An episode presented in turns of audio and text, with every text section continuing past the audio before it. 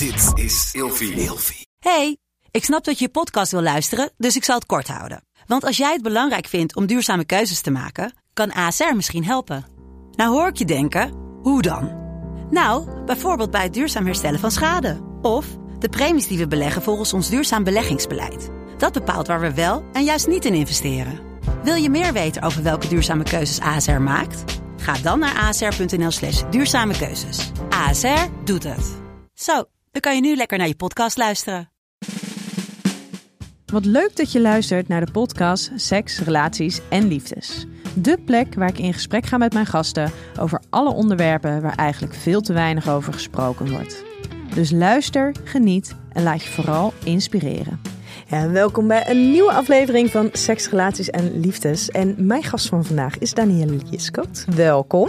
Hallo, dank je. Hey, jij bent oprichter van de Drag Agency. Eigenlijk het eerste agentschap in de Benelux voor drag performers. Klopt. Toch? Klopt. Ja. En ik zeg heel nadrukkelijk performers, want um, ik heb ergens gehoord dat jij het liever over drag performers hebt dan alleen maar de drag queens. Um, ja, dat is heel bewust. Um, er zijn uh, waanzinnig veel drag queens, maar er zijn ook andere performers die ook drag doen. Dus je hebt drag kings, je hebt uh, mensen die het niet willen definiëren als uh, king of queen, dus anything in between. Dus wij willen het heel graag open houden, omdat we ook openstaan voor ander talent dan alleen de queens. Ja, ja, en dat is denk ik ook wel heel erg belangrijk. Want zoals wij ze eigenlijk over het algemeen kennen, dat zijn toch wel een beetje de drag queens. En dat is toch wel ook een, nou ja, een hele specifieke groep van artiesten. Waar heel veel mensen zich ook helemaal niet zo in kunnen identificeren. Uh, ja, ik denk op een manier wel en niet. Het is inderdaad een hele specifieke groep. En ik denk ook uh, dat bijna iedereen heeft, als ze denken aan een drag queen, een beeld in diens hoofd. Dus hoe dat eruit ziet en uh, hoe zo'n performance gaat.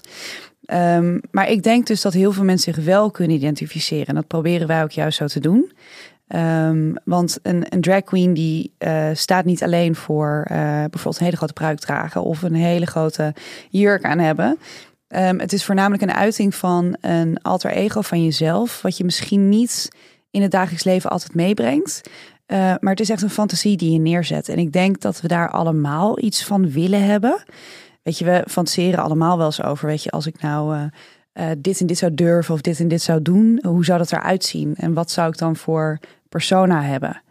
En ik denk dat dat iets is waar drag queens heel erg de verbeelding prikkelen.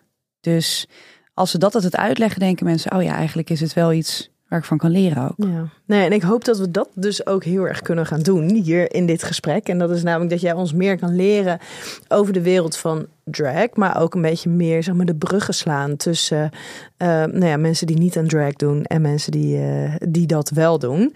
En om te beginnen, wat, wat is drag? Wat, wat zie jij als drag? Um, ik denk dat drag een hele brede definitie mag hebben. Maar uh, voornamelijk waar het voor staat is uh, het uitdragen van een alter ego. Dat past bij jezelf. Um, ik denk dat we dat niet eens in genderkaders hoeven te plaatsen. Dus het is echt een uitbeelding van, uh, ja, van je imagination, om zo maar te zeggen. Het is lekker ja. met Engelse woorden erin. maar het is een uitdraging van je eigen, ja, eigenlijk je eigen superheld, ja. vind ik. Ja, en, maar, maar hoe kan het dan, denk je, misschien heb je daar helemaal geen antwoord op hoor, maar dat als we aan drag denken, dan denken we toch vaak aan mannen die gekleed gaan als vrouw. Mm -hmm. um, en dat dat dus zou zijn wat drag is. Ja. Weet je, van oudsher hebben we natuurlijk de travestie. Um, inmiddels, ook door, door de tv-programma's en zo die er zijn, um, weten we ook wel dat het meer is dan dat. Dat het echt wel wat meer een, de vorm van kunst aanneemt. Maar toch lijkt het nog steeds heel vaak te gaan over, over mannen die zich kleden als vrouwen. Ja. ja, en ik denk misschien Um, als ik het even terugpak op het genderstuk. Ik, ik denk, uh, het hoeft niet per se een man te zijn die zich als vrouw kleedt. Maar het kan ook een vrouw zijn die zich als man kleedt. Mhm. Mm -hmm. Of een uh, uh, man die zich op een andere manier nog mannelijker gaat kleden. Um, welke definitie dat dan heeft. Ik denk waar drag heel sterk mee te maken heeft, is een uiting van uh, gender die je groter maakt dan het is. Dus um, Uh, bijvoorbeeld als ik zou besluiten, ik heb een keer drag king make-up op gehad, één keer. Het stond mij eigenlijk helemaal niet. Dat gaan we nooit meer doen. dat was niet mijn ding. Althans, who knows. Um, maar bijvoorbeeld, ik, ik besluit, ik ben een drag king. Uh, het is eigenlijk een, een ex extreme vorm van laten zien hoe dat dan voor mij zou zijn. Dus ik zou dan bijvoorbeeld een... Um, ja, in mijn geval dus bijvoorbeeld een pak aan doen als ik zou willen. Um, ik zou bijvoorbeeld op mijn gezicht ook bepaald soort make-up doen. Uh, ze heeft wel degelijk iets te maken met gender, maar dus niet per se alleen van man uh, in uh, de rol van een vrouw bijvoorbeeld. Of... Maar dat is gewoon toevallig wat we veel zien. Het, ja, ik denk het wel. En ik denk omdat het ook, het gaat al zo ver terug in de tijdtrack. Um, en uh, ik ben zelf geen queen, dus uh, de ervaring vind ik moeilijk altijd om te omschrijven. Maar in ieder geval de fascinatie die ik ervoor heb. Het gaat al zo ver terug en eigenlijk uh, vanuit oudsher was het uh, normaler dat mannen, uh, want die speelden vaak toneel, uh, vrouwen niet. En die verkleedden dan als vrouw. Um, dus eigenlijk is het daar al een klein beetje ontstaan. Want zij gingen dan bijvoorbeeld een jurk aantrekken. En op het podium waren het dan twee mannen. Eentje was verkleed als vrouw. Um, ik denk dat die, dat is heel ver doorgetrokken tot is nu. En dus nou, de afgelopen jaren heeft een waanzinnige sprong gehad natuurlijk in populariteit. Uh, maar daarvoor zagen we het ook al. En ook al vaker in theaters. Maar weet je bijvoorbeeld ook uh, um, uh, in heel veel films dat een man gekleed ging als vrouw bijvoorbeeld. Of nou ja, andersom dus ook. Ja, er is een hele mooie documentaire op Netflix. Ik weet niet of die er nu nog steeds is. En ik weet ook niet hoe die heet. Maar daar laten ze um, ook zien hoe drag dus eigenlijk al in de... Volgens mij in de eerste film die er ooit is gemaakt. Dat je dat daar dus al ziet. Dus dat het al zo oud is. Oh, Alleen dat je bedoelt, is niet met al die uh, transiconen of ja, niet? Ja. ja, maar dat er dus eigenlijk wel altijd een hele negatieve connotatie aan zat. Want het was altijd het gekkie, het was altijd de, de, de alcoholist, het was altijd de, de, de, de prostituee. Weet je, het was altijd wel met een negatieve, uh, ja, negatieve gevoel eromheen of zo. Ja, ik heb die ook gezien. Hoe heet die nou ook? Ja, ik, ik denk dat dat het ook uh, wat, wat zo mooi van maakt de afgelopen jaren, wat we nu zien. Dus wij zijn uh, iets meer dan drie jaar geleden begonnen. Uh, letterlijk omdat het er niet was. En ik met een queen sprak en die zei... Ik, ik, vroeg aan die queen, joh, was Hoax Lebo. ik vind het zo gaaf wat jij doet. Kan ik niet met jou workshops organiseren? Of andere mensen inspireren met wat jij doet? Um, en ik zei, natuurlijk heb jij een agent. Want iedereen die iets kan, die heeft een agent. Weet je wel, of je nou uh, of je spreker bent, of je artiest bent, of je uh, zanger met DJ, maakt niet uit. Er zijn heel veel agents tegenwoordig. En Hoax Lebo zei dat bestaat nog niet voor queens. Um, en inmiddels wist ik al van RuPaul's Drag Race, wat in Amerika dus gigantisch aan het worden was. Dus ik vond het al zo gek dat dat niet gerepresenteerd werd hier. En je zag toen in die tijd al een ontwikkeling ontstaan van drag is iets wat je in een barretje ziet uh, in de reguliere dwarsstraat in Amsterdam. Naar uh, daadwerkelijk ook iconen. Dus online werden ze groter, social media werden ze veel bekender op. Ze werden gevraagd voor allerlei podcasts en tv-shows ook. En toevallig kwam toen dus ook Drag Race in Nederland langzaam op gang. Dus je zag al van inderdaad dat het misschien vroeger niet serieus werd genomen. Of dat het een beetje de paria was in een film. Werd het iets heel serieus. En dus voornamelijk denk ik uit Amerika is het heel sterk komen overwaaien dat dat... Dat zijn inmiddels legendes. De Queen Star die in Drag Race nou, alleen over Paul. Dat is natuurlijk ja, al... Ja, precies. Dus die rol heeft het minder. Maar er is wel nog heel veel te doen hoor, merk ja. ik. Het is nog steeds um, in, nou in ieder geval in Medialand... Uh, trekken wij nog heel hard achter de schermen. Wij, maar ook andere agencies en andere organisaties... om queens meer uh, op scherm te krijgen. Um, in, in meer shows te krijgen, meer producties. Dus het is nog steeds, heeft het een weg te gaan. Maar het komt inmiddels wel op een plek dat het heel serieus wordt genomen. Ja, en als dat kunstvorm. als je ze dan een podium kan geven in de media, dat het dan ook een um, integer podium is. Precies. En dat ze inderdaad niet daar als, als gekkie zitten, als degene waar de flauwe grapjes om gemaakt moeten worden, als de grapjas, maar gewoon echt als volwaardige personen. Ja, precies. En niet altijd omdat ze een make-over geven aan iemand bijvoorbeeld, maar ook omdat ze als artiest gewoon een verhaal vertellen. Natuurlijk is dat het grootste deel van wat ze doen, maar het is belangrijk dat we ze ook zien als de artiest ervoor. Ja. Dus wie zijn ze, uh, dat ze kunnen inspireren naar andere mensen toe. En dat komt wel steeds meer, moet ik zeggen. Ik moest zo lachen. Ik had uh, uh die was hier uh, geweest voor zo'n aflevering van Date Night Talk Show. Ja. En ik had een foto en mijn zoontje die zag die foto en ik was dus heel benieuwd wat zijn reactie zou zijn. Hij is vijf. Jeetje, wat ziet die mevrouw er mooi uit. Ik vind alleen de haar niet zo mooi. Maar voor de rest, ik vind het dus zo cool. Ze heeft te bedenken, want ze had volgens mij ook echt een hele grote Ja, pruik op. hele grote witte pruik op. En Ja. die was bijna te groot voor de foto. Maar Ja, oh ja, want die paste bijna niet in het scherm. ik nog, Precies, ja. Maar ik vond het zo mooi dat dan, ehm, eh, nou ja, dat, dat hij dat al ziet. En dat dat dan is wat hij, wat denkt, wat hij ervan vindt. Ja, en ik moet zeggen, vaker is dat, we doen met eh, een aantal organisaties ook, waaronder eh, Stichting Unboxed, doen wij eh, feestjes voor kinderen ook. En dan mogen ze dus gekleed gaan zoals ze willen. Dus er, er hangt dan geen gender aan. Dus je mag lekker een jurkje aantrekken, je mag een, een pakje aandoen, je mag je gezicht laten schilderen. En er zijn voorleessessies van Queens. Kinderen hebben niet... eh, die, die, die zien het als iets heel moois gewoon inderdaad. Dus het is een grote prinses eigenlijk vaak voor ze. Oh, wat prachtig. En die mag een hele mooie jurk aan. Dat wil ik zelf ook. Ik denk dat onze bias, die ontstaat echt pas later als we leren... dit is hoe een man eruit ziet en dit is hoe een vrouw eruit ziet. En dat is wat je aandoet, punt.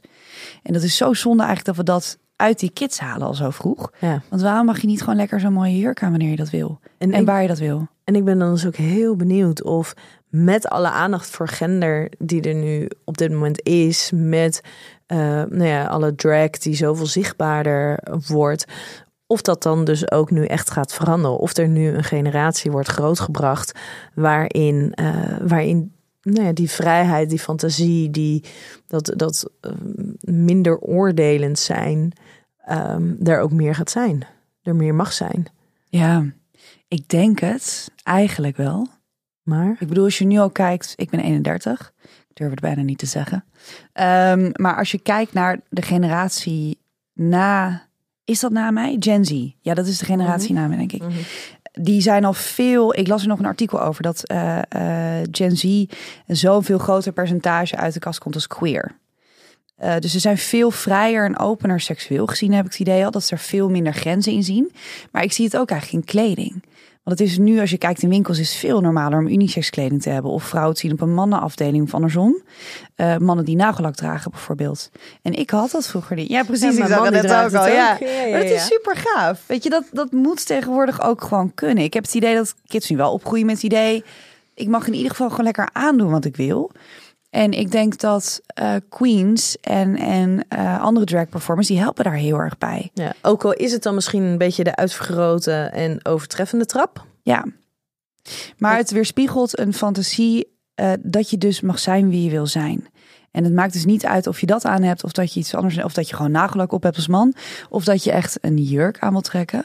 Ehm, je mag gewoon zijn wat je wil zijn. Ja. En het is helemaal niet erg als dat misschien een beetje buiten de maatschappelijke normen valt. eh, of dat het gewoon nog net niet zo geaccepteerd is. Gewoon doe het. Want er zijn mensen die het eh, durven te doen. En als je naar hun kijkt, ja, why not you? Ja. Hey, ik heb jou gevraagd om vijf woorden te bedenken die gaan over eh seks, relaties en liefdes. Welke Ja. zijn het geworden? Even kijken, want ik heb heel mooi een lijstje gemaakt op mijn telefoon. Ehm, ik, eh, ik vond het best wel moeilijk, moet ik zeggen. Want ik kreeg allemaal hele gekke dingen in mijn- hoofd erover.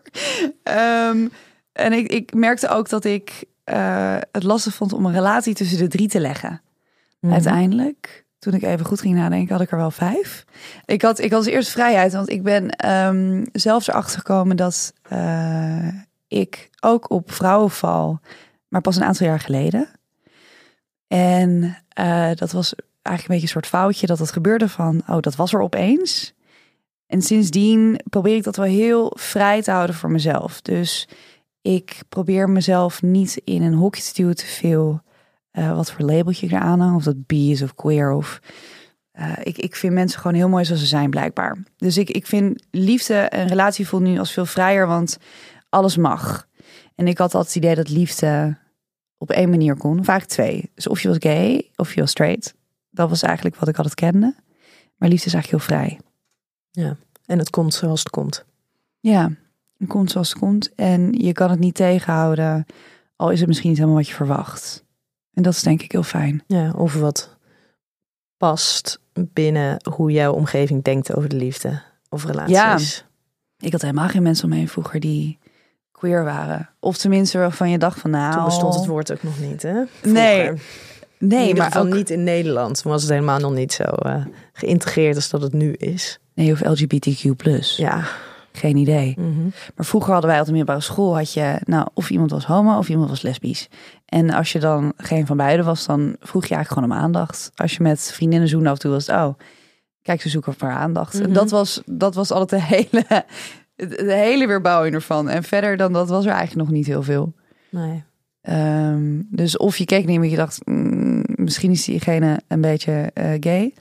En dan was iemand niet uit de kast, dacht je, nou, misschien ook niet. En that's it. Dat is zo far als dat je ging ermee, eigenlijk. Dus eh, ja, voor mij het eerste woord was vrijheid. Ja, wat was je volgende? Ehm, volgende woord was eh, openheid. Omdat ik ook heb geleerd dat het oké is om te vragen om bepaalde dingen. In alle drie die Mhm. onderwerpen. Dus seks, liefde en relatie. Ehm, ik had eigenlijk vanuit mezelf, dat heeft niemand me opgelegd, heb ik eh, zelf vroeger gehad. Het idee dat eh, een man bepaalde in een relatie wat we gingen doen. Of wat je moest willen. Of wat normaal was of niet. En pas veel later kwam ik erachter dat oké is om heel open om dingen te vragen. En om te zeggen, dit is wat ik wil. Dus voor mij staat het nu voor openheid. Maar dat deed het niet altijd. Maar je zegt wel, dat heeft nooit iemand mij verteld. Of, maar dat is gewoon een soort van idee wat is ontstaan bij jou. Ja, misschien toch omgeving of toch... Ik weet niet hoe jij dat ziet hoor. Maar ik had het idee toen ik, eh, toen ik jong was, maar ook echt een heel klein meisje. Dan keek je een film en dan, ja, de man die ging altijd de vrouw zo bevrijden. En die was eigenlijk zo'n hele stoere, dominante eh, rol die opeens kan bepalen hoe het ging. En misschien dat was er een beetje zo ingeslepen. Ik weet het niet. Want ik ben niet een hele stille vrouw van mezelf. En toch had ik altijd het idee, nou ja, dat ik, ik volg wel. Oh ja. En dat ik ben, ik nooit een volger geweest. Heel goed. Heel goed. Ik kreeg altijd al op mijn rapport, ik- had je dan zo'n, eh, dat van die eigenschappen en dan stonden er vier bolletjes naast. En bijvoorbeeld, ik had altijd Oh bij ja. dominantie stond bij mij altijd het vierde bolletje. Oh, serieus? Maar ja, ik ben opgegroeid als jongste van vier kinderen. Met twee grote broers waar dan tien jaar leeftijdsverschil in zat. Dus ja, dit, ik, ik- ja, volgen was niet echt een optie, zeg maar. Dus Nee. ik ben daarin, ben ik altijd wel zeker in contact met, met mannen, met jongens. Was, ja, vond ik dat niet heel, ehm, heel moeilijk. Heel goed. Ja. Had je een bolletje voor dominantie? Ja, dat vond ik ook. Oh, en ik vond Oh, het zo jeetje. erg. En ik heb jou dus ergens in een podcast, heb ik jou dus horen zeggen, was jij dat? Ik weet niet, want dat deed je met, ehm, eh, dat deed je met Joost, deed jij die eh, podcast. Ja. En eh, daar ging het dus ook over, als je dan te horen kreeg dat je, dat je te kattig was of te streng of wat dan ook, dat je, dat je daar dan iets aan wilde doen. Want dat je dat dan niet, dat je te veel was Ja. te Klopt. veel ruimte innam, te aanwezig was, dat. En toen dacht ik, ah ja, dat heb ik echt, want ik vond het heel erg dat dat bolletje dus aangekruist was. Die van die dominantie. Oh, ik ga Ja. even kijken naar van die oude rapporten. Wat Ja. erg. Ik vind het eigenlijk een heel raar bolletje ook. Ja, ja, Ja, dat- goed, ja. Het is wat het is. Ik weet ook niet of ze hem nu nog hebben. Nee, je moet wat wel, dat schoolsysteem. Nee, ja. hey, wat is, eh, wat is jouw volgende? Mm. Even kijken, ik pak weer even mijn lijstje. Ja, hoor. Ehm, ik had als eh, volgende had ik eh, spanning. Ik vind dat zo belangrijk. Ja? Heb ik gemerkt, ja. Ik, eh, eh, tenminste, een beetje, het moet natuurlijk ook vrede geven. Dat, dat is heel belangrijk. Maar er moet altijd een beetje afwisseling zijn met spanning. Maar dat heb ik met heel veel in mijn leven. Als het eh, te gemoedelijk wordt, dan zoek ik altijd wel naar een nieuwe uitdaging. En ik vind dat je elkaar een- klein beetje mag blijven prikkelen. Ehm, vooral ook met seks. Maar ik, ik denk ook dat het heel belangrijk is in liefde. En het hoeft niet alleen maar strijd te zijn. Dus je hoeft niet alleen met elkaar een discussie te hebben. ja want jij hebt een je- relatie? Nu niet. Oh. Nee, ik heb heel lang een relatie gehad. Ehm, samen een huis gekocht en zo. En eh, eh, dat is nu eh, twee jaar uit. En ik heb ook echt de tijd genomen om even helemaal te onderzoeken. Oké, wat, wat vind ik fijn en wat vind ik leuk nu? Ehm, maar ik, ik merk ook dat het heel belangrijk is om spanning te houden daardoor. En lukte het je in die relatie om die spanning te behouden binnen de liefde? We deden ons best. Maar het was En- heel lastig omdat hij woonde ook heel ver weg. eh, in Ghana. Ah, En- dat is wel heel ver weg. Ja. Dat is wel even een stukje. Ja, Ja. Dat, is, dat wel lastig om iets dan bloeiend te houden. En ik zat dus in Nederland nog, dus dan moet je het doen op het moment dat je elkaar ziet. En dat was heel moeilijk om vol te houden. Maar sowieso denk ik na een hele lange tijd spanning houden, dat is, ja, daar moet je aan werken. ja. Dus ehm, ja, Ja, dat was wel echt een les. Maar daar hebben jullie nog niet, hebben jullie dus niet het antwoord op kunnen vinden hoe je dat dan kan doen? Nee, helaas. Nee, nee, ja, nee maar ik ben heel benieuwd. Want het is de inderdaad volgende keer. het stukje spanning houden binnen een relatie. Ja, dat klinkt natuurlijk heel makkelijk, maar hoe, hoe doe je dat dan? Dus als je een gouden tip hebt, dan eh horen we die natuurlijk graag. Nou ja, kijk, als je dezelfde billen elke dag ziet, weet je, dan op een gegeven moment is dat ook wel oud nieuws. Maar je moet daar gewoon iets heel leuks van maken. Ja, Dat is van het. die billen. Van die billen Je moet moet je gewoon even de slingers op die billen hangen. Eigenlijk wel Ja. slingers op billen hangen. Eigenlijk is dat letterlijk wat je moet doen. Ja. Of af en toe even andere billen zien. Je zou, nou, dat kan ook. Dat kan, als dat past. Weet je, je moet het doen op een manier dat past. Maar je moet iets met die billen die je elke Ja. dag ziet. Dat in ieder geval wel. Ja. Volgende. Ehm, ik had eh, no nonsense. Ehm, ik weet eigenlijk niet waarom die opkwam. Die kwam zo uit de krochten van mijn brein. Kwam Ja. die zo.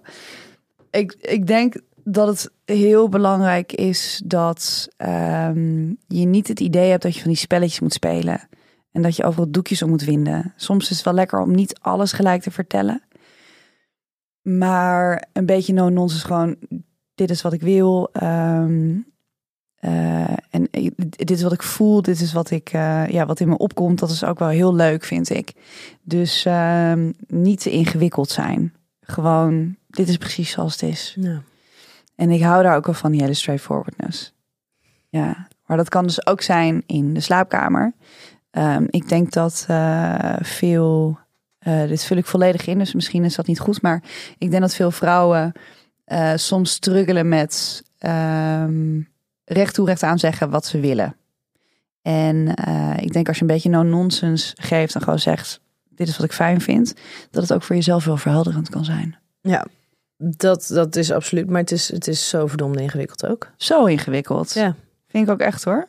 En het vind ik heel vaak, ik weet niet of iemand zich daarin herkent, maar eh, als je dat dan doet, dan denk je bij een derde keer, denk je, ik ga nu echt niks meer zeggen. Want nu wordt het echt een soort coaching. Ja. dat ga ik niet meer doen. Nee. Dus en, dat dan wordt het, en dan voelt de ander ook weer juist die onzekerheid en een soort van eh, ik ben ik doe het dus kennelijk niet goed genoeg. Dus daar Ja. ook zoeken naar een balans tussen dan die no nonsense en juist vanuit zelfvertrouwen van hey, dit is gewoon wat ik wat ik wil en wat ik nodig heb. Ja, Ehm, en, en de balans daarin van, oh ja, maar het is wel de bedoeling ook dat de ander ook een beetje mag ontdekken. En ook een beetje zijn ding dan mag doen daarin. ja precies. En dat hij dat die zich daar dan niet eh, te klein in gaat voelen. nee, stel je voor dat jij de reden bent dat iemand zegt, ik doe dit nooit meer. Ja, Ik doe dit nooit meer. Ik ben zo slecht in bed. Ja. nee, dat, nee dat, dat zou wel heel erg zijn natuurlijk. ja. Maar ehm, ik, ik, het is wel heel goed als je in ieder geval het idee hebt dat je het kan zeggen. Ja. En heel straightforward. Nu ik erover nadenk, lijkt het ook heel erg op openheid. Maar ja deze is misschien iets directer. In ieder geval, hij moest, hij moest aan mijn lijstje. Hij kwam Ja, zo in dat- mijn hoofd op. dat mag. Hij kwam er zo op. Ehm, zou ik ook de laatste zeggen? ik had als laatste had ik eh, schaamteloos. Ja, want? Vind ik waanzinnig belangrijk. Ja. Ik denk dat er al zoveel momenten zijn in je leven dat je denkt ehm, eh, dat je dat je chameleont naar, naar de juiste omstandigheden. En in ieder geval in seks en liefde en relaties moet je je zo 100% jezelf kunnen voelen en zo schaamteloos zijn. En zelfs als er dus een beetje gekke dingen gebeuren. ehm, of eh, weet je, dingen die gênant zijn. Ja, dat, dat hoort ook een beetje bij het leven. Ja, maar mag, mag, mag je dat dan nooit ervaren? Of ehm, ik, over een paar weken komt mijn boek uit, Schaamteloze Seks. Mhm. Dus dat gaat heel erg hierover. Alleen dat je dan dus op een gegeven moment ook wel ervaart van... oh ja, maar een bepaalde vorm van schaamte of ongemak mag er natuurlijk wel zijn. Want het is een gevoel, dus zou stom zijn van je mag dat nooit meer voelen. Maar dat het zo bepalend is hoe je er vervolgens mee omgaat. En of het er mag zijn, of dat je partner reageert op een manier dat je je terecht schaamt. Of dat je partner je geruststelt en juist vanuit weer die veiligheid en liefde zegt van ja, maar het is oké, je hoeft je niet te schamen, te schamen of je ongemakkelijk te voelen. En dat het dan dus weer gewoon helemaal goed voelt. Ja, ik denk elke menselijke emotie mag er zijn, toch? Ja, Daar doen we ook helemaal niks aan. Ik denk eh, dat het alleen belangrijk is dat eh, als je dan iets doet, dat je mag zeggen van, oh shit, weet je, dat voelde even niet helemaal lekker of dat ging niet helemaal goed. Dat je het een beetje weg kan lachen als je wil. Ik vind schamen een hele moeilijke emotie, omdat het, zo, het kan zo naar voelen en een beetje zo, eh, een beetje donker haast. En eh, het is gewoon heel normaal dat er soms dingen gebeuren die je niet in de hand hebt. Of die Ja. gewoon een beetje gênant zijn of een beetje raar. Het is een hele eenzame emotie. Ja, heel hè? Ja. Het isoleert je heel erg. En ik denk misschien juist dat als dat er mag zijn, je mag zeggen, oh dat was echt niet handig of eh, shit, wat was dat? Dat dan breek je iets open wat het voor jezelf fijner maakt. En ik denk als je zelf die ruimte in kan nemen, dan maakt het voor anderen ook makkelijker, maar vooral voor jezelf. Ja. Maar inderdaad, een hele eenzame emotie, zeg je best wel goed ja. Ja. Dat je denkt, oh my god. En dat je er zo mee gaat zitten in je eentje en alleen maar gaat malen over, wat ja, was dit? maar dat is het natuurlijk, hè, met heel veel zelfoordeel erin. Ja, heel. Ik had bijvoorbeeld ehm, eh, een keertje dat ik. ehm, dit gaat denk ik misschien wel awkward zijn. Ik eh, had. eh, er was een tijdje met iemand aan daten. En ehm, diegene was ergens aan het werk. op zijn kantoor. En ik was daar in de buurt, toen zei ik, eh, hey, ben je, ben je daar nu? En zei hij, ja, ja, ik ben er. En toen zonder te vragen dacht ik, oh, dan ga ik gewoon even langs. Dat is gezellig, toch? Omdat ik er gewoon helemaal niet over nagedacht. En er was helemaal geen hond, maar twee eh, vrienden en hij dus. En ik merkte al, ik kwam binnen, ik dacht, oh fuck, had ik niet moeten doen. had ik niet moeten doen. Want ik moet me voorstellen, ik weet niet zo goed hoe het is. Dus ik was er binnen, ik dacht, oh, eh, ik zei, ja, nee, ik, ik was gewoon, nee, ik ga gelijk weer weg hoor. Drie minuten, want ik moet naar een afspraak. En ik liep naar buiten, dacht, oh, dat had ik niet moeten doen. Had ik niet moeten doen. En dan zit je op je fiets en ik belde mijn zusje. Ik zei, fuck, dat had ik niet moeten doen. En dat is zo'n naar gevoel. Dat je denkt, ja, dat is vet dat je, ik ga dat, ik ga ervoor. spontaan, lekker spontaan. nemen, Ja, zelfvertrouwen. Nou, nee, niks, niks daarvan. Maar ik dacht al, voordat ik naar binnen liep, dacht ik, ach, foute keus. Dus er is ook zo'n ding als onderbuikgevoel. Maar als je dan volgens die schaamte hebt, ja, weet je, dan leer je ervan. Ja, Ja. bel je zusje, bel een vriendin en zeg, yo, I messed up. En dan gaan we gewoon verder met het leven. Maar dat was wel een hele zure. Ja. Ja. Hey, ik heb eh, vijf kutkeuzes voor jou. Dus eh, ik heb heel graag dat jij eh, kiest tussen de Oh, twee dingen die ik voorleg. Seksualiteit of intimiteit? Oh. oh. Ik ben een schorpioen, die vind ik moeilijk. Moet Ik ehm, denk intimiteit. strikte monogamie of een relatie met meer vrijheden? Relatie met meer vrijheden. Geven of ontvangen in de seks? Hmm. Eerlijk of niet eerlijk? Wel. Ontvangen. Ja, Het is leuk hoor, Is dat- geven, maar come on. Maar hoezo zit daar een soort van ongemakkelijk ietsje dan? Als je alleen al moet vragen of je eerlijk antwoord moet geven? Oh, is, is heel selfish, denk ik, ontvangen. Nee, dat is dus juist niet zo. Of Nee. eigenlijk zou het niet zo moeten zijn, maar dat is, is toch veel lekkerder eigenlijk, vind ik. Ja, Als ik maar als je het hebt. Ja, maar dit is precies wat je zegt. Want ehm, voor, voor jou en jouw opwinding is het toch niet heel gek dat ontvangen lekkerder is? Nee. Want het is gericht op jou. Maar je hebt heel veel mensen die zeggen, ik ben een gever. En denk je, is dat echt zo? Eh, Of is dat een juiste antwoord? d- Ja, daar valt natuurlijk een, wat voor te zeggen. Maar dan zeggen heel, heel veel mensen komen er dus achter dat ze dus niet zo goed zijn in ontvangen. Want Oh. ontvangen maakt ook heel kwetsbaar. Ja. Dus als je het hebt over die openheid en, ehm, en, en, en zeg maar die schaamte speelt daar heel vaak een rol.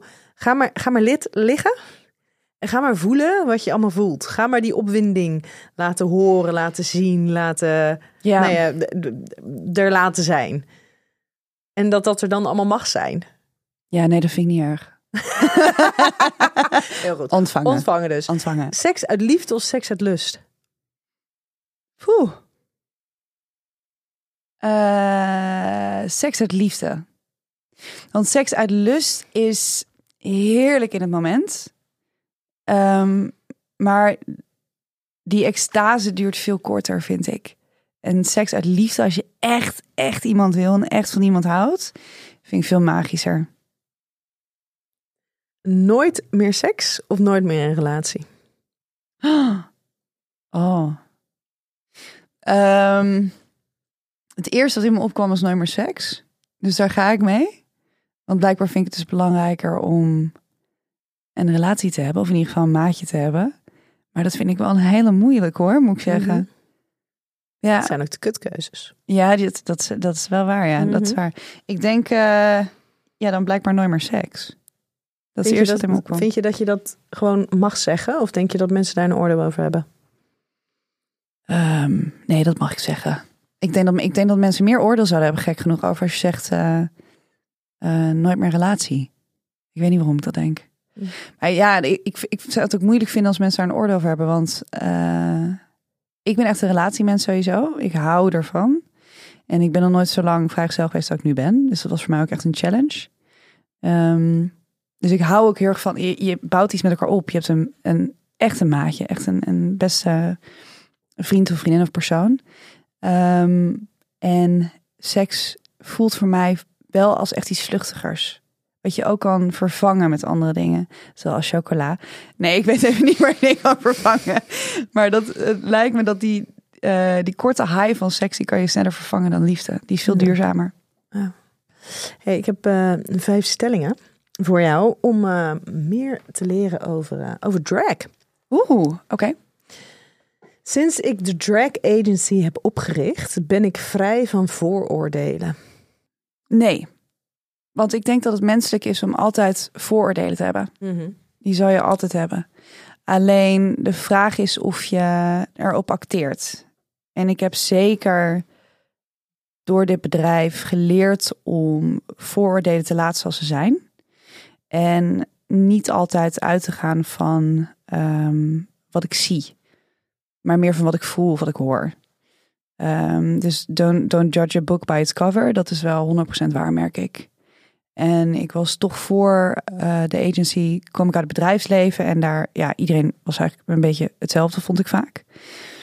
Ehm hierdoor heb ik wel geleerd dat eh, je- je kan eigenlijk niet beoordelen hoe mensen zijn direct op het eerste oog. Nee. Je kan een gevoel hebben, maar je moet iemand echt leren kennen of een verhaal horen. En dan pas weet je het. Ja, terwijl als, zeker als jij ze dus in drag ziet, bijvoorbeeld de artiesten waarmee jij eh, werkt, er is een heleboel cover. Er is een heleboel wat je ziet. Bedoel, dat is wat ze, wat, wat ze uitstralen. Dat is hun visitekaartje. Ja, Dus het is bijna onmogelijk om dan niet ehm, hun bij hun, nou ja, bij hun uiterlijk, bij hoe ze eruit zien, te oordelen. Eh, ja, maar het heeft ook iets heel kwetsbaars vaak, vind ik. Het heeft ook iets heel puurs. Want dat veel mensen zeggen dat het dus vooral tegen, tegen de queens waarmee werken van... Ja, maar als je dan zoveel make-up op bent, wat heeft dat nog te maken met jezelf zijn? Want is dat wel zo? Maar dat is 100% zo. Die essentie komt veel meer naar buiten als ze zich zo sterk voelen in drag, vind ik.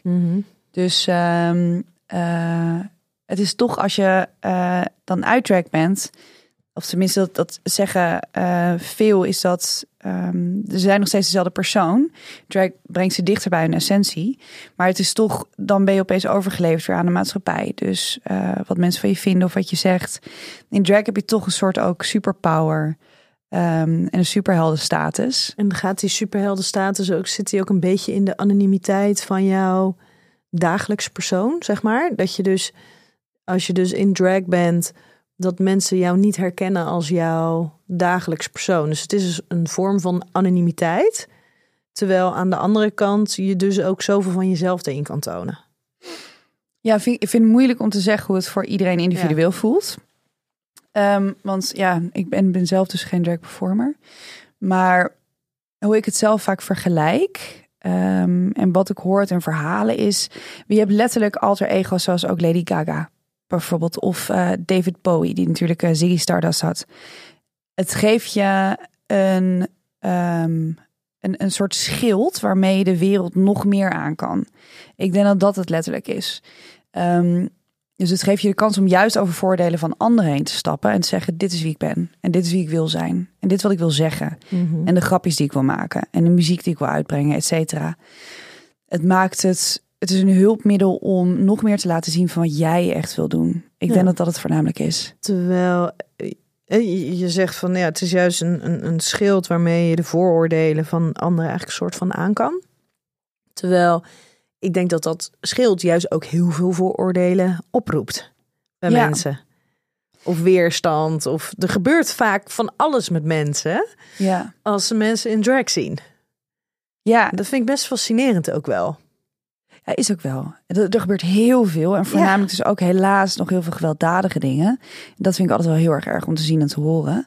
Ehm daar, vorige week nog op eh, Gran Canaria is, eh, ehm, is een drag queen is mishandeld en is overleden.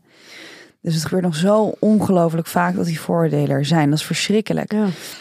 Dus dat klopt inderdaad. Het, het wekt ook echt wel iets op. Ehm, en toch denk ik dat eh, als, je, als je dit naar voren durft, durft te brengen en dit durft te doen, eh, dat het zoiets krachtigs in je losmaakt, dat je niet anders kan dan eh, nog veel meer jezelf zijn. Als je Ja. dit durft en deze drempel overgaat. En ik denk ook wel, het is als je, als je zelf op een podium staat, heeft natuurlijk. Ja, dat, dat heeft ook een beetje iets kwetsbaars wel. Dus als ik bijvoorbeeld Dat eh, zonder make-up op een podium ga staan. Ja, dat je dan eh, mensen die, die denken, nou weet je, doe maar wat leuks. Hè? Ga maar. En dus wel als je het al mee maar. hebt. Ja, precies. Ja. Try me. Mhm. Dat een beetje. Eh, terwijl als je helemaal mooi glammed up bent, dan heeft het ook weer iets zelfverzekerders. Dat je weet in ieder geval, ik zie er waanzinnig uit. Dus het heeft ook weer Ja. iets heel sterks erbij, denk ik. En dat straal je uit, waardoor mensen dat dus ook weer zien en denken, wow. Precies. Ja, Ja. precies. Ehm, drag performers zijn geen realistische rolmodellen voor mensen. Vals. Very vals. Want Eh, we zeiden het in het begin al even. Ik heb zelf gezien dat ze een heel groot rolmodel zijn, want dat waren ze voor mij ook. Dus wat zij durfde te doen op een podium was wat ik altijd al hoopte dat ik ooit zou durven. En dat was ruimte innemen. Ruimte innemen. Ja, ruimte innemen. eh, jezelf zijn. Ongefilterd zijn. Ehm, het zijn absoluut realistische rolmodellen, want je hoeft je niet altijd te kunnen identificeren wat iemand aan heeft, bijvoorbeeld. Het gaat om de zelfverzekerdheid die ze overbrengen en, en de kracht die ze hebben. En ik zie het niet alleen, eh, niet alleen zelf hoor, ik hoor het heel veel mensen zeggen. Ze, ze laten heel veel mensen zien dat het oké is om helemaal jezelf te zijn en om te kiezen hoe je daaruit wil zien. Eh, dat denk ik is heel sterk. En dat hoeft niet alleen te komen van mensen die er per se hetzelfde uitzien als jij. Dat kan ook van andere mensen zijn. Ja, toch denk ik dat er heel veel mensen geneigd zijn en überhaupt in, in bredere zin ook van als we andere mensen zien, willen we onszelf er graag in herkennen. Hè, dat bepaalt voor een gedeelte ehm, nou ja, wat, wat we ervaren bij de ander. Als het iemand is die iets op dezelfde manier kleedt en doet en beweegt, dan voelt dat heel prettig. Als dat niet zo is, kan iemand intimiderend overkomen, bijvoorbeeld.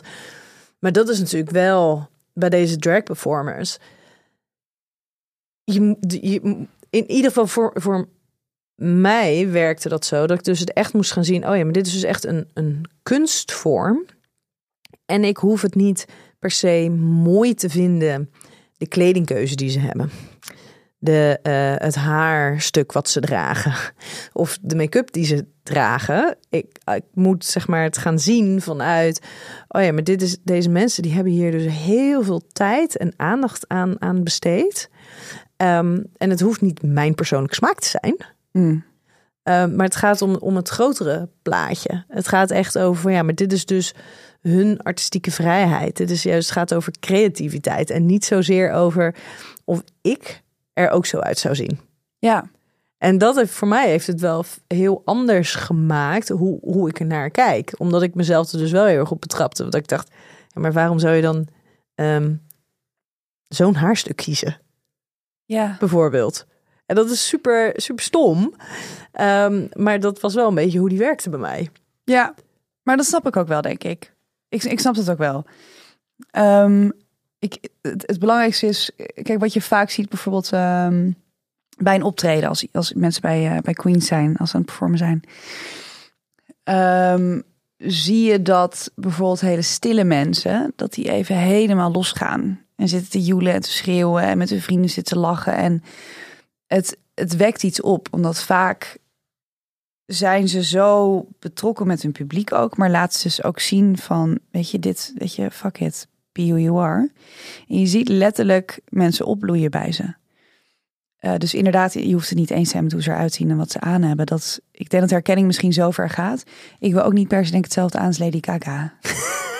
Nee. I don't think so. Nee. Maar ik vind haar wel inspirerend. En ik snap de message die ze uitdraagt. Wat denk ik een beetje hetzelfde is.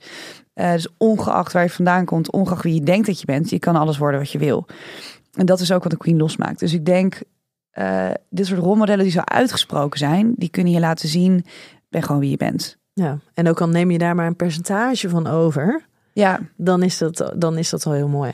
en als je een pruik op wil naar school, dan moet je dat ook gewoon kunnen doen. Moet gewoon allemaal kunnen. Heel goed. Ja. Juist door bekende mensen mee te laten doen aan programma's zoals Make Up Your Mind, kan drag worden genormaliseerd. Ehm, ja, nee. Ja, nee. Eh, het is heel belangrijk om eh, bekende mensen neer te zetten. Die mensen al langer zien in de media. Om te begrijpen, dit is normaal. Want als die het doen, dan gaat iedereen begrijpen. Oh ja, kijk, dit is niet alleen een niche, om zo maar te zeggen. Het is belangrijk voor iedereen dat ze dit zien. Uh, dus ik denk zeker uh, heel zwaar ja, maar ook nee. Want uh, er zijn ook genoeg programma's geweest die het hebben gedaan met minder bekende mensen. Um, en bijvoorbeeld de Diva in mij, dat is al jaren geleden opgenomen met, met ook drie queens. Lady Galore, Envy Peru en uh, Hoax En die deed het voor Drag Race nog. En dat heeft ook heel veel impact gemaakt. Maar inmiddels is de drag wereld ook zoveel groter geworden dat bekende mensen erbij komen. Dus ik denk absoluut ja en nee. Want ja. mensen die uh, ergens in een dorp wonen in Nederland moeten ook het idee hebben: oh ja, ik kan dit ook doen.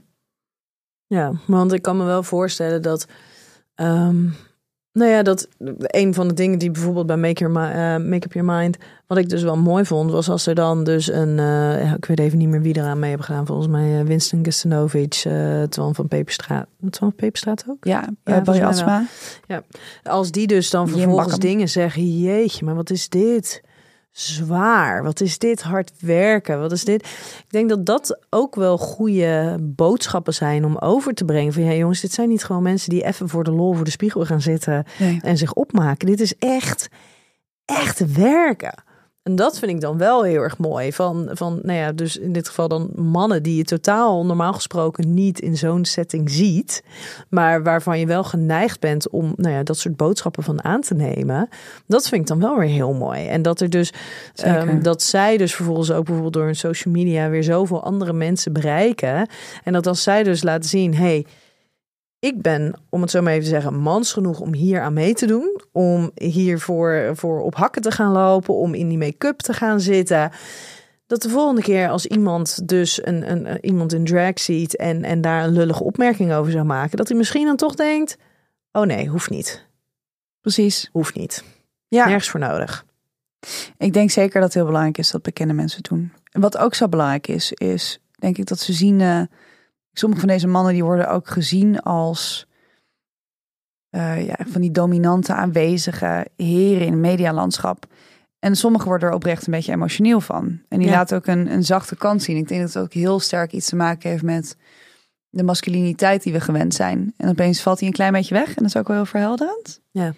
Dus juist zijn de grote, ja, bekende mensen in, in de mediawereld zijn er wel belangrijk voor om dat te laten zien. Ja. ja. Of misschien ook niet eens met het wegvallen van de masculiniteit, maar het aanwezig mogen zijn van een stukje femininiteit. Ja, je hebt gelijk. Ja, dat Want inderdaad. Het een hoeft niet ten koste te gaan natuurlijk van het ander. Nee, en iedereen heeft natuurlijk allebei. Alleen heb ik het idee dat veel uh, mannen voornamelijk vaak het idee hebben dat die femininiteit er niet kan of mag zijn. Ja, of dat ze niet weten hoe ze daar uiting aan moeten geven. Ja. ja.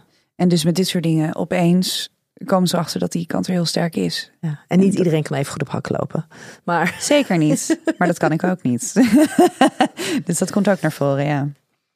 Drag performance zijn gewoon mensen die aandacht nodig hebben. Ja, daar ga ik natuurlijk nee op zeggen. Dat is natuurlijk niet zo. Um, wat een grappige vraag. Um, nee, maar goed, dat, nee, dat vind ik absoluut niet. En ehm, tegelijkertijd, ze gaan wel op het podium staan. Ja, je en ze gaan erg lekker op aandacht. Ook performen, ja, maar het is niet alleen voor de aandacht. Het is um, zoveel meer dan dat. Als je alleen aandacht zou willen hebben. Um, ja, moet ik even bedenken. ja, wat doe je? Dan ga je op het podium staan. Oké, dat doen ze ook vaak. Um, nee, het, brengt iets heel krachtigs naar buiten. En ik denk dat heel veel uh, willen vooral ook een message overbrengen. Er zijn een aantal queens waar wij mee werken. Bijvoorbeeld uh, Mama Queen, die is, die is prachtig. Maar die heeft ook een hele, een hele sterke message. En um, uh, Mama Queen is transfeminien, Dennis. Um, en die wil ook laten zien dat het dat gendernormen uh, betwist mogen worden en dat je niet per se in een hokje van een man of een vrouw hoeft te zitten. En dat probeert Mama Queen ook heel erg in drag te laten zien. Ehm, maar voornamelijk ook dat het een, een, een fashion stuk is of een modestuk. Dus het, het hoeft niet alleen maar te zijn om aandacht te vragen. Uh, het kan ook uh, zijn te laten zien letterlijk wat een kunstwerk het is. En um, wat je ermee kan doen en wat je kan overbrengen daarmee. Ik vind het voornamelijk, ja, daar komt natuurlijk ook wel een klein beetje vandaan. Het is vooral ook iets heel activistisch vaak. Um, want je, wat jij eerder ook al zei, weet je, het is niet iets wat je zomaar elke dag op straat ziet. Juist kan drag ook een kant hebben uh, om te zeggen: dit is wat allemaal mag. En dan maakt me niet uit wat jij ervan vindt. Dus het is niet alleen voor aandacht, het is voornamelijk ook voor impact, denk ik. Ja. ja, want ze krijgen de aandacht die ze krijgen is vaak ook negatief. Je krijgt niet louter positieve reacties. Precies. Het is een risico vaak zelfs. Want als je in de trein gaat zitten met drag make-up, ja, er, er hoeft maar eentje in de trein te zitten die het echt niet mee eens is. Ja, maar gebeurt dat vaak? Ja, het gebeurt nog regelmatig. Ja, nee, ja, dat ze het er niet eens zijn, absoluut. Maar. Um, Wel bedoel je? Uh, nou, nee, dat ook. Maar uh, dat, dat je dus als je uh, naar een evenement moet, als je naar een, een, een werkopdracht moet, dat je dat dus ook, dat je als drag erheen gaat. Ja, wat ze fijn vinden vaak. Dus er is vaak de keuze om op locatie om te kleden. Als ze zeggen, nou, ik vind het oké om zo in het vervoer te gaan, is natuurlijk altijd die optie vrij. En als iemand zegt, voel ik me echt niet lekker bij, dan moet er ook de optie zijn om op locatie om te kleden bijvoorbeeld. Of make-up op te doen. Ja. Maar sommigen zeggen, nee, ik, weet je, ik, ik heb er niet zo'n probleem mee. Maar het is wel, ja, je neemt, je neemt soms wel echt een risico ermee. Ja. ja, zeker, zeker. Maar aan de andere kant, kijk, als je je altijd moet blijven verstoppen, heb je, op, heb je ook geen zin meer in op een gegeven moment. Dan zeg je ook van, weet je, dit moet al zo normaal zijn, ik doe het gewoon. En als iemand wat van vindt, ja, jammer dan. Ja. Dus dat vind ik ook wel weer heel sterk. Als je wel gewoon gaat zitten met je make-up op, want ja, dit moet gewoon normaal zijn inmiddels. Ja. ja. Dus um, ja, maar het is zeker soms een risico. Maar ik denk ook bijvoorbeeld waarom het geen aandacht is. Kijk, met die kinderen, wat ik bijvoorbeeld eerder zei. Uh, dat doen heel veel ook met heel veel liefde. En nou, zo'n kind die gaat je niet op Instagram zetten. Weet je? Die kijkt naar je, die vindt het gewoon prachtig. Dus, en daar worden ze net zo blij van soms als uh, zelf optreden. Ja. Um, ja. Ik vond het heel tof. Toen kwam uh, uh, die kwam hier binnen als Serge. Mm -hmm. um, en die ging zich hier dus helemaal, helemaal aankleden en ook weer afkleden voordat hij, uh, voordat hij weer wegging. Ik vond het juist ook wel heel, heel tof om te zien, ja. dat proces. Hoe dat dan gaat en juist letterlijk heel die transformatie uh, zien. Ik vind dat ook heel gaaf altijd. Ja, ja. en vooral um, ja, Serge natuurlijk, Cedergine, die is sowieso... ja, ik hou van Cedergine. Um, maar die wordt ook opeens zo'n mevrouw. Ja, uh, in plaats van een jonge man. Ja, het is een hele, hele knappe jonge man. En dan wordt het ook opeens zo'n, echt zo'n madame wordt het. En het is, het is zo'n groot contrast, maar ik vind het zo leuk. Want aan de andere kant, gewoon het is allebei. Serge. Het wordt gewoon bijna een beetje oud wijf. Ja, zo'n comedy tante. Ik vind Ja. het echt zo'n, zo'n, ja, zo'n Bette Midler of zo. Ik weet het niet. Gewoon echt zo'n, zo'n hele fijne madame is het dan. En um, het is een hele mooie transformatie. Ja. En dat vind ik eigenlijk niet allemaal. Want als je er dan bij bent en je ziet het glammed up. Um, ja, ik zie eigenlijk nooit dat het een heel ander persoon is opeens. Maar het is een, ja, het, het, het is een paradijsvogel opeens dan. ja. Ja, dat is Ja. er heel gaaf aan. Maar je ziet ook de lichaamstaal ineens veranderen. En de handbewegingen en zo zie je dan veranderen. Ja, en in uh, Serge's geval ook uh, zijn stemhoogte. Ja. Die verandert ook. Ja, dat wordt heel leuk. Dus we gaan, uh, ik weet niet of dat er verteld, we gaan theater in met, uh, Ja. met Cedergine. In, in maart dit jaar. En um, ik ben dan zo benieuwd. Want dan juist dan gaat, gaat hij ze ook vertellen weet hoe dat dan gaat. En uh, of gaat ze, Cedergine gaat dan vertellen hoe dat dan gaat. Uh, en hoe dat ook is ontstaan. Ja, dat is, dat is gewoon zo'n mooi verhaal. Dus hoe Ja. kleine Serge dan opeens Cedergine werd. Ja, Ja. dus... Um, Ik vond het zo mooi dat hij vertelde dat zijn, eh, dat zijn overgrootmoeder niet altijd eh, even leuk vond. Nee, ja. Ja. Nee, dat kan, er, ja, dat kan er ook bij horen, ja. Ik denk ook dat, dat vind ik ook zo knap aan ze. Ja, er zijn er ook een aantal die met hun familie echt veel onbegrip ook hebben. En dus ondanks alles kies je ervoor om deze kunstvorm uit te dragen. Dat vind ik denk ik nog wel het gaafste eraan. Ik denk ja, dat en de... ook wel, het, het vind ik ook wel een soort van weer tegelijkertijd dus iets heel triest hebben. Dat je dus die keuzes moet maken. Precies. En daar moeten we dus knokken dat het zo normaal wordt. Ja. Dus daarom moeten we zo hard proberen om het nog meer te normaliseren dan het al gedaan is. Dit moet echt gewoon over een tijdje het allernormaalste in de wereld zijn. Gewoon als je Ja. het doet, ja, tuurlijk, weet je. Ja. Heel Heel misschien sluit daar de, de, de laatste stelling wel mooi bij aan. Drag is als een kunstvorm buiten de vaste kaders. Ehm, nee, ik denk niet dat er vaste kaders zijn. Eh, dus wat betreft niet, een drag bestaat al heel lang. Dus het is zeker niet buiten de vaste kaders. Eh, het is wel nog steeds een unieke kunstvorm om te zien in de media. En wat dat betreft misschien wel. Wat eigenlijk dus heel gek is. Dat Ik- het iets zo ouds Ja, eigenlijk het- is wat het is. Dus het is helemaal niet bu- buiten de vaste kaders, want dit het is altijd al geweest wat het is. ja, het bestond al zo lang. Ja. Maar als je eens kijkt naar misschien medialandschap nu, is het best wel braaf. Of braaf geworden. Ja, het is heel erg Heel de braaf. lijntjes kleuren. Heel erg. En ook omdat iedereen heel erg bang is geworden. Omdat er natuurlijk nu zoveel schermpjes op je staan de hele tijd. Om iets fout te doen. Of iets te doen wat misschien mensen niet helemaal begrijpen. Ehm, het is zeker niet buiten de vaste kaders. Maar we zijn denk ik gewoon heel braaf geworden. Ja. Dat Dus is het voornamelijk. wel- het, het lijkt alsof het buiten de lijntjes kleuren is. Terwijl dit is wat drag altijd is geweest. Ja, en ik hoor ook wel vaak, dat weet ik zelf niet, maar dat eh, mensen reminiscen heel vaak bijvoorbeeld naar de 90s in Amsterdam. Zeggen ze, ja, weet je, toen als je op straat liep, ja, of je een drag queen was of ehm, eh, ik weet niet, je was gewoon uitgesproken eh, queer op straat, dat kon gewoon. Nu is iedereen veel conservatiever geworden, terwijl we dat helemaal niet denken. Dus ik weet dus ook niet of dat een goede graadmeter is hoor, want zelf heb ik het niet zo bewust meegemaakt en ik weet niet of je dat überhaupt kan meten. Maar het lijkt alsof mensen vinden dat we nu conservatiever zijn. Dat we veel meer binnen de lijntjes proberen te kleuren. Terwijl, weet je, ja, fuck it. Ehm, laten we allemaal gewoon iets kleurrijker zijn. Dus ik denk dat de kaders zijn eh, ongewild ontstaan. Ja, Dat is misschien, maar het is, het is zeker niet buiten de vaste kaders van, eh, van entertainment. nee. Maar wat dat betreft, eigenlijk is kunst, dat is natuurlijk wel ook bedoeld om van alles met je te doen. Hè? Kunst, Ja. dat is, daar, daar kijk je naar en het, en het raakt je of het raakt je niet. Ehm, het, het roept allerlei emoties met je op. Het kan je eh, bij je op. Het kan je in beweging zetten. Ja, En dat is natuurlijk eigenlijk wel ook wat drag dus met heel veel mensen doet. Het is voor sommige mensen raakt het heel erg aan een stukje van, van henzelf. Het kan ze inspireren, het kan ze in beweging brengen. Bij anderen roept het juist heel veel weerstand op. Wat het dus ook wel weer fascinerend maakt van ja, maar waar, waarom? Weet je, als je naar een, een schilderij kijkt, weet je, waarom roept dat weerstand bij je op? Wat, wat doet dat dan? ja, Het zou eigenlijk wel mooi zijn als er dus zo is. Wat in plaats van alleen maar ehm, eh, zeggen, weet je, eh, drag moet heel erg normaal zijn. Om gewoon echt eens even wat verder te gaan onderzoeken. Ja, maar waarom roept het dan bij zoveel mensen zoveel weerstand om? Wat is dat dan?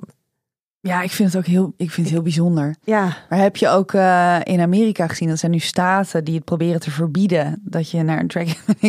Jongens, jongens. Ja. En dan zie je volgens een jongetje met een geweer staan die vijf jaar oud is. denk ik, nou, en dat mag wel. oké. Oh, Weet ja. je, en dit is schadelijk. Het, ja, misschien...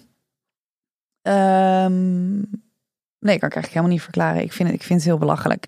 Ik denk dat eh, we heel erg juist er veel meer bezig zijn op social media. Juist veel meer eh, beoordelingen van alle kanten, van allerlei kanalen. Eh, We zijn zo quick to judge. ja, we zijn kaders aan het maken, heb ik het idee. Dus veel meer mensen proberen te plaatsen van wat je bent. En dat Ja. er veel minder vrijheid is om helemaal jezelf te zijn. Omdat er altijd een schijnwerper op je staat. Of je nou 100 volgers hebt of 100.000 volgers. Ehm, wat je zegt, dat is er altijd. En ehm, ja, ik denk dat dat is denk ik een heel groot probleem ook. Dat we het te spannend vinden om gewoon de regie als het ware los te laten. En iedereen laten zijn wie diegene is. Ja, Dat, dat we daar eigenlijk helemaal niet zo goed in zijn. het is ook alsof we iets moeten vinden de hele tijd. nu. Ja. Vind ik op Twitter heel erg. Ik zit zelf, ik, ik tweet nooit wat. Ehm, maar het is zo veroordelend, merk ik heel vaak. En van mijn mening is de waarheid. En dit is wat ik vind en dit mag bestaan. Tuurlijk hebben we mening, of, eh, ehm, ehm, vrijheid van meningsuiting. Maar we zijn heel erg druk bezig met wat vind ik en wat is het kadertje en waar pas jij in voor mij. dat is denk ik ook heel giftig. Ja. Dan gaan mensen veel sneller het idee van, oh, weet je wat, ik ben niet goed genoeg, of dat past niet, of dat hoort niet. Ehm, ja, dat is denk ik heel giftig aan het worden. Ja. We zijn allemaal kadertjes aan het maken. Ja. En dat is wel, dat vind ik dus altijd hele grappige met eh, wat je, jij refereerde net al even naar Gen Z. Ehm, en, en ik vind het dus bijzonder dat een van de dingen die zij heel erg meebrengen, is dus nog sterker het neerzetten van die labels en die kaders. Vanuit het idee, eh, alles is oké. en eh, iedereen mag zijn hoe ze zijn. Ja. Ehm, terwijl dat dus eigenlijk helemaal niet zo is. Want ze moeten wel binnen een kader passen. Wat is dan de middle ground? Ja, dat valt mij dus ook zo op. Dus Ja. inderdaad, Gen Z is dus de meest queer generatie die we ooit hebben gehad, weten we nu. Ehm, maar ik kijk op TikTok wel eens. Dus we hebben als campagne gedaan met de Queens op TikTok. En de hate comments zijn vaak van optische eh, jonge mensen. Dus De inderdaad, het is- opvallend. Ik denk dat je een hele studie kan wijden aan die hele Gen Ja, Z. ik vind, ik vind, nee, denk, eh, wij millennials willen alleen maar gewoon avocado op toast. Maar die Gen Z'ers... De vaste luisteraars van mij die weten inmiddels dat ik daar eh, van dat dat dus ook van alles met mij eh, doet. Want ik heb er Oh, net onlangs een podcast over gere- gereleased. Ehm, ja, dat is fascinerend. Heel Fascinerend. fascinerend. Hey, ik heb nog wel één vraag ehm, aan jou voordat wij gaan afronden. Want Ja, ehm, jij kwam uit een hele andere wereld. ja. Ehm, inderdaad, je kwam zelf vanuit gewoon echt vanuit eh, de, de, de bedrijvencultuur. Maar ook als je kijkt naar waar je bent opgegroeid. Dat is niet midden in de grote stad. En, en alles mag, alles kan. Of tenminste, iedereen ziet eruit zoals ze eruit ziet, zien. Ehm, vervolgens start jij dus de drag agency. Ehm, dat doe jij in samenwerking met een van de queens. Ook om vanuit de community veel beter te begrijpen... hey, wat is het nou en wat, wat speelt er nou... en wat houdt het nou eigenlijk allemaal in. Maar wat voor invloed heeft dus eigenlijk jouw introductie in die wereld... gehad op hoe jij ehm, je bijvoorbeeld kleedt en, en gedraagt? Ik bedoel, is de Danielle die ik nu zie... wat is daarin het verschil met de Danielle van vijf jaar geleden? Nou, Eh, ik denk eh, intern eigenlijk niet echt een wereld van verschil. Ik denk dat ik altijd wel eh, in ieder geval bij mijn kern heb kunnen blijven. Maar die mag nu iets meer naar buiten komen. Dat is verschil, denk ik. Het was voornamelijk in het bedrijfsleven dat ik merkte dat er hele sterke regels zijn. En ik was, die regels vond ik gewoon niet leuk. Dus eh, hoe, hoe je gedroeg, wat je zei, eh, hoe je kleedt als vrouw, hoe je met mannen omgaat ook als vrouw. Ehm, eh, ja, er zijn gewoon ongeschreven regels waar je wel of niet aan houdt, maar die zijn er wel. En ik vind het heel belangrijk om die regels te veranderen, first of all. Want ik denk dat er veel meer vrijheid moet zijn voor mensen om gewoon te zijn wie ze zijn op werk. Maar ik merk dat door werken met deze community, ik heel erg heb geleerd dat er zoveel verschillende soorten vormen zijn van jezelf uitdragen. Die je misschien binnen de muren van een bedrijf minder snel ziet. Ehm, het is natuurlijk heel normaal als je, als je een beetje een soort monogaam beeld ziet van hoe iedereen zich gedraagt. Ik vergeleek het altijd een beetje met bijvoorbeeld het koor. Ehm, als je bij het koor gaat, dan zijn er best veel mensen die een beetje zo hetzelfde gaan gedragen, langzamerhand. Wil je dat of niet, dan ga je een beetje zo die kant op bewegen. En het is natuurlijk heel normaal en heel natuurlijk dat mensen dat doen. Deze community heeft dat minder, want die is juist heel erg bezig met wat is de puurste versie van mezelf. Met alle struggelingen die erbij komen en met alle bagage die erbij zit. En dat het oké is om dat uit te vinden. Ehm, En is het, is het dan ook oké? En dat is misschien zit daar dus een van mijn vooroordelen. Of ik weet niet of het een voor. Ja, ik weet niet, ik weet niet goed wat het is. Maar wat nou als je er dus dan vervolgens achter komt dat je niet zo kleurrijk bent? Dat je niet zo uitgesproken bent? Dat je niet op een podium hoeft te staan? ja. Is daar ook ruimte voor? Of is daar dan ook de vraag, ja, maar dan ben je er nog niet helemaal? Ik vind van wel, maar misschien vinden andere mensen dat niet. Iedereen heeft natuurlijk zo zijn eigen blik erop. Ik vind, eh, ja, dat juist. Ehm, en je, dat hoeft natuurlijk niet. Je hoeft niet op een podium te staan. Want dit is natuurlijk drag eh, community, maar er is natuurlijk een hele queer community. Ehm, ja, als, als drag performer ben je natuurlijk wel een performer. Dus als je op het podium op wil, dan moet je ook wel het podium op gaan. En dan moet je ook wel je best ervoor doen natuurlijk. Maar in deze hele community is juist iedereen heel erg bezig met wie ben ik dan en wat is mijn identiteit en hoe ziet dat eruit? En dat is hopelijk heel anders dan degene naast mij, want dat maakt mij alleen maar unieker.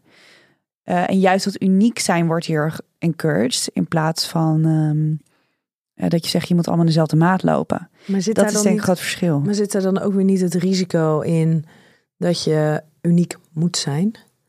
En dat als jij er dus Oh, is een goede vraag. achter komt van ja, maar ik ben dus niet zo ja. uniek. Eh, Wat dan? Ja, die, die ruimte die is er 100%. En dat, dat maakt je juist ook, denk ik, anders. Als je zegt van nou, dit is gewoon wie ik ben. Dat, dat heeft natuurlijk niet alleen maar te maken met eh, extravert zijn. Of dat introvert is, of dat het eh, groot of klein is, dat mag je zelf weten. Ehm, de, juist die ruimte om het zelf te ontdekken is denk ik belangrijk. Hoe dat er dan ook uitziet. En dat heeft volgens mij uniek zijn volgens mij niks te maken met dat je een paradijsvogel bent. Of dat je alleen maar heel gekleurd eruit ziet. Het kan ook zijn dat je heel bedachtzaam bent. En dat je alleen met je kunst bezig wil zijn achter gesloten muren. Gesloten muren, gesloten Ja. deuren. Muren zijn ook gesloten. Muren zijn ook gesloten. het was niet fout. Ehm, maar ik, denk juist dat het te maken heeft met die ontdekkingstocht. En dat is het belangrijkste. En die mag er zijn. Niet, eh, oh je moet het eigenlijk al weten. En als je het niet weet, dat is raar. En hoezo ga je dingen proberen? Want eh, wacht even, Eh, je moet het gewoon, je moet al zijn. Ja. Dat ik hard. sterker. Of te hard proberen, omdat je het idee hebt, er moet iets zijn. Precies. Maar ik had dus sterker het idee, zelf in het bedrijfsleven, dat mensen ervan uitgingen, je moet het op een rijtje hebben. Er moet balans zijn. Er moet 100% kennis zijn over wie je bent. En er is heel weinig room for error. Ja. En, ehm, En in de queer community mag je meer uit balans zijn. nou, je mag meer ontdekken wie je bent. Ja. Je mag meer proberen. Je mag meer vrijheid zoeken. Je mag meer eh, opzoeken waar je eigen grenzen liggen. En dat vind ik wel sterker hier. Dus dat is in mij heel erg veranderd. Dat ik nu wel meer het idee heb van... eh, al ga ik nu op mijn bek, ja, dat mag. Want het is oké om het uit te vinden. En dat is iets wat deze community goed kan leren, denk ik. En dan word je ook namelijk omgeven door andere mensen die er ook mee oké zijn als je op je bek gaat. Eh, en jou daar niet op zullen veroordelen. Ja, nou ja, er zullen natuurlijk altijd mensen zijn die het wel doen. Ja, nee, ja, dat is, nou ja, zoals je al zei, het is mens eigen om vooroordelen te hebben of oordelend te zijn. Ja, maar in ieder geval geef je met mensen die, die ook eh, bezig zijn met gewoon de allerbeste versie van zichzelf vinden. En ontdekken wat dat dan is. En daar ook fouten in mogen maken. Ik denk dat dat het grootste verschil is. Maar nogmaals, ik denk het bedrijfsleven, dat voelt nu als zo'n eenheidsworstje ook. Dat is natuurlijk niet. Voor mij was dat heel sterk het gevoel. Ik denk dat daar wel nog heel veel winst te behalen is bij Ja. bedrijven. Om mensen ook de ruimte te geven om daar dus fouten te maken. En daar te ontdekken wie je bent. Weet je, als man in een pak te lopen, maar ook nagellak te dragen. Of ehm, als vrouw gewoon mega veel ruimte in te nemen. Als je denkt dat dat gewoon past. Als ik met allemaal mannen in een team. Er ligt nog zoveel ruimte bij bedrijven. Want het is zo'n groot deel van je leven als je jong bent. En het vormt je tot wie je bent. Ik denk dat mensen onderschatten hoe belangrijk dat is. Ja. Ja. Ja. Dus dat is denk ik het grootste verschil. En mijn haar is eraf. ik zag inderdaad ergens een foto van jou bij komen. Ja. Dat je inderdaad gewoon, nou ja, eigenlijk een beetje heel, misschien wel zoals ik, gewoon een degelijk kapsel had. Nee, het is niet degelijk. Het is heel mooi. En dat je dus uit. vervolgens, dat je inderdaad lekker zo'n lekkere korte koep eh, hebt. Maar dat Ja. is wel een bewuste keuze. Full Karen. Ja? Nee, wat zei ik nou? Oh ja, full Britney. Nee, ik ging niet full Britney. nee, zo was het niet. Ik, ik dacht opeens, dacht ik, eh, nou, let's do it. Maar het is heel grappig dat mijn vrienden en ook mensen om me heen, die zeggen vaak van, oh, dat was wel heel toevallig, hè? Dat je dan begon met zo'n agency. Nou, als je queer, ging je haar eraf. Ja. Misschien is het ook geen toeval. I don't know. Maar Maar af en toe dat- kijk ik wel naar mijn lange lokken, denk ik. Het was ook wel heel lekker warm van mijn nek. Dus misschien komen ze weer keer dit, terug. dit bestaat je niet. Het Nee. past wel. Dankjewel. Het Bij is nu je een beetje een matje, maar hè? we gaan kijken waar ze heen gaat. Heel goed. Ja. Hey, dankjewel dat jij hier eh, als gast wilde zijn.